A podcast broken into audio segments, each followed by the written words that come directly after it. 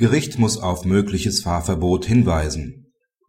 Wenn im Bußgeldbescheid ein Fahrverbot nach § 25 StVG nicht angeordnet war, darf das Gericht nur dann ein Fahrverbot aussprechen, wenn es in analoger Anwendung von § 265 Absatz 2 StPO den Betroffenen vorher darauf hingewiesen hat. Gegen den Betroffenen war ein Bußgeld in Höhe von 40 Euro verhängt worden. Es ging um eine Geschwindigkeitsüberschreitung außerorts um 24 km/h. Im Verfahren nach dem Einspruch des Betroffenen entschied das Amtsgericht auf eine Geldbuße von 150 Euro und als Nebenfolge auf ein einmonatiges Fahrverbot.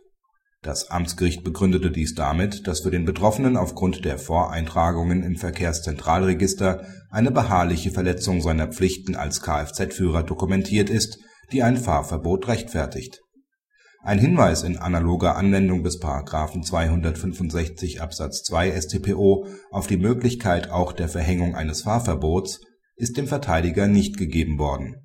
Auf die entsprechende Rechtsbeschwerde hob das OLG das Urteil des Amtsgerichts auf und verwies die Sache zurück.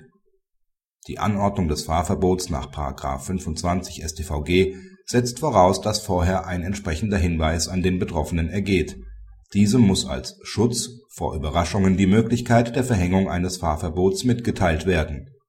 Da der Rechtsanwalt in seiner Rechtsbeschwerde auch darauf hingewiesen hat, dass er unter Umständen aufgrund eines Hinweises den Einspruch zurückgenommen hätte, beruht das Urteil auf einem Verfahrensfehler.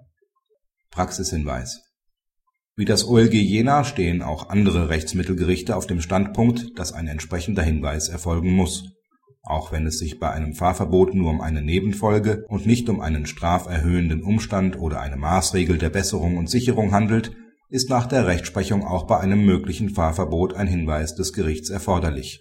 Dies gilt auch dann, wenn das Gericht abweichend von der von der Hauptverhandlung erklärten Einschätzung auf ein Fahrverbot erkennen will